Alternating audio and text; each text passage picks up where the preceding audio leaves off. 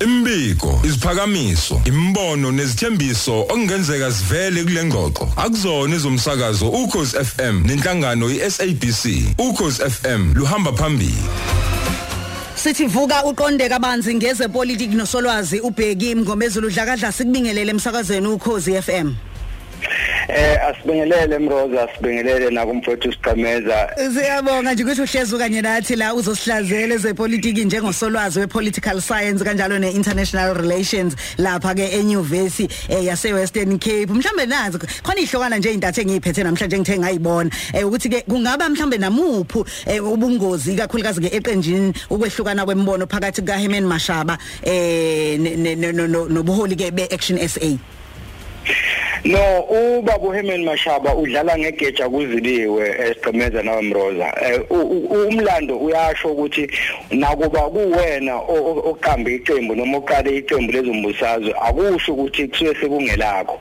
Eh ungabuza kobaba uziba udokotela uzibajiyane eh ubuze ko dokotela umakhosi khoza. Eh ubuze kwabanye abaningi eh omunye umholi udokotela lapha umamphele ramphele wakhankasa wakhankasa wakhankasa wathi uma kuphela ukhetho kwathiwa hayi usawuhlaba ikhefu selokhu asihlaba udumo.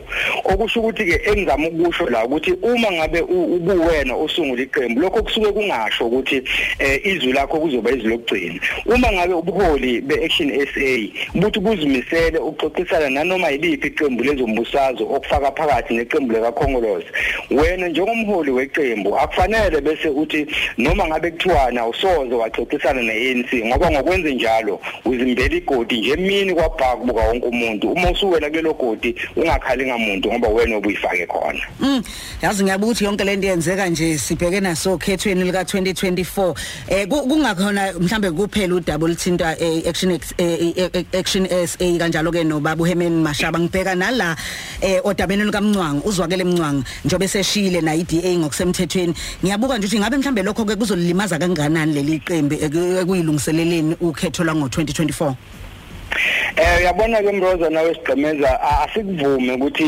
iDA izalelwe injendlini ukuthi kifakwe ubani lenja yona iDA ezokuchazela. Ngoba uma uzobheka abahola abamnyama asebephumile kwi-DA olindiwe mazibuko oPatricia Delile oMusi Mayemane oMbali Ntuli oHerman Mashaba oMasizole emnantsela nakho manje uphumuzwa ke lemnqamo okusho ukuthi njengoba iqembu lizilungisela ukhetho la ngo2024 lizoba nenkinga ekutheni libancinca kanjani abantu abamnyama ukuthi beze ngobuningi babo bezoba ingxenye yeqembu leli le-DA ukuyiqembu eliphikisayo kuzwe lonke ngaleyo ndlela ke ngicabanga ukuthi la iDA isigwaza ngowayo ngoba nakuba esho umholi omunye abaholi bawo uHelen Zille ukuthi abaholi abamnyama bayafika baphume kwiDA kodwa kulula ngendlela achaza ngayo ngoba ukuze unqenqa abaholi abamnyama ukuze unqenqa abantu abamnyama bazovotela iDA kufanele ube nobuso kwabantu abamnyama lapha kwiDA ehlalweni ephezulu babone nabo ukuthi cha uma singenele iqembu sinalo ikusasa. So ke iDA khona okusina kuyijeqeza mm mhlawumbe manje ngifuna ukucheka lokho. Eh umbone yapi kuningi ukuqagula ngaye uvulela yakhe naku uyashelwa left right and center ngokwembiko yezinsolo ezikhona umfoka mncwango No angimbone vula iqembu lakhe mfowethu. Ezinye zezinsolo kuthiwa ngaya ku Action SA into engenzeka leyo ngoba ubaba Herman Mashaba ungomunye wabantu abazama ukuthi babe nezingxoxo nabantu abaningi noma abaholi abaningi abasuke bephuma kwi-DA so kungenzeka lokho. Lokho Action SA into engenzeka. Noma ke phela singeke siqinisekise ngoba usopolitiki balala ngalohlanga ukuthi bavuke ngolunye ngakusasa. Kodwa nje iqiniso engaba nalo impela ongangibuza uma ngabe sekwenzekile ukuthi kwenzeke kanjani angimbona akhe lakhe iqembu mncamo baba. Mhlawumbe ake siyivale nje esigqemeze hey ngiyabona ukuthi ingaxoxa kuze kuyoshona ilanga lento ake sibuke la na umbiko okukhulunywa ngawo kakhulu wekhomishana kaZondo. Ake sibheke mhlawumbe ukulungiswa kwawo noma mhlawumbe nobulungiswa kuona eh emveni kokuthi ke ukokwemukelwa ke ngumongameli. Eh ngifisa ukwazi ukuthi ngabe kusho ukuthini eh mhlawumbe ikakhulukazi kushoni ngesithunzi salombiko esizweni nje ngqo?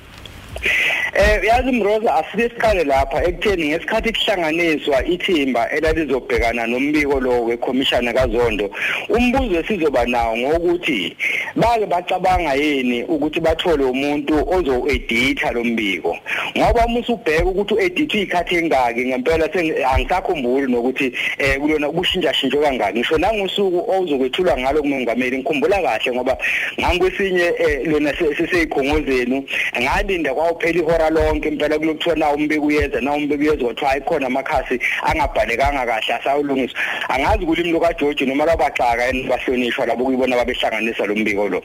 Kuthe-ke sewamukela umengameli kuthiwa futhi hhayi um kufakwa isicelo enkantolo ukuthi basacela ukuyowulungisa futhi. Phezu kweminyaka engaka nemali engaka eyifakiwe umbuzo-ke uthi ngabe isithunzi salo mbiko sisazoba khona yini? Uzwile-ke amacembu ezombusazwe aqalile amanye aqala manje ukungabaza ukuthi um ngathi khona okushaya amanzi. Nami ngomunye wabantu abanombuzo ukuthi uma ngempela um ubaba uzondo anikezwe isikhathi eside kangaka yini le eyenza ukuthi umbiko uma ngabe usukhishiwe ukuthi kukhona still okungalungile kahle? Okusho ukuthi khona ongahamba kahle. Isithunzi sombiko sicekeleke phansi. Sengaphikwa ke phela ngoba ipolitiki kuyohlala kunje kodwa nje iqiniso lisobala isithunzi salombiko sesicekeleke phansi. Okusho ukuthi uma ngabe mina nosigcemeza sithinteka sesoba nembuzo ukuthi ngabe sithinteka ngempela noma kusazo-edithwa futhi bese sikhishwa kufakwa abanye ukuthi hhayi nokwenzeka iphutha usigcemeza nomngomezulu bangena ngephutha. Isithunzi sombiko sicekeleke phansi ekubeni iningi imali esayifaka lapha singabakhokhi bentela.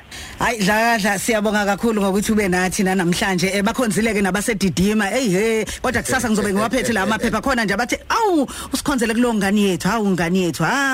Wengani yethu. Asibonga sibonga ngani zakwethu? Siyabonga siyabonga sigomeza nethimba. Delekile ke. Kanti ke njalo bekade sikhuluma ke no Solwazi lawe Political Science and, and International Relations kwi University of Western Cape uprofessor Bheki Mngome Zulu. Vuka Africa Breakfast Show. Nomroza. No DJ Skameza njalo ngomsombuluko kuya kulesihlanu u6 kuya ku9 ekseni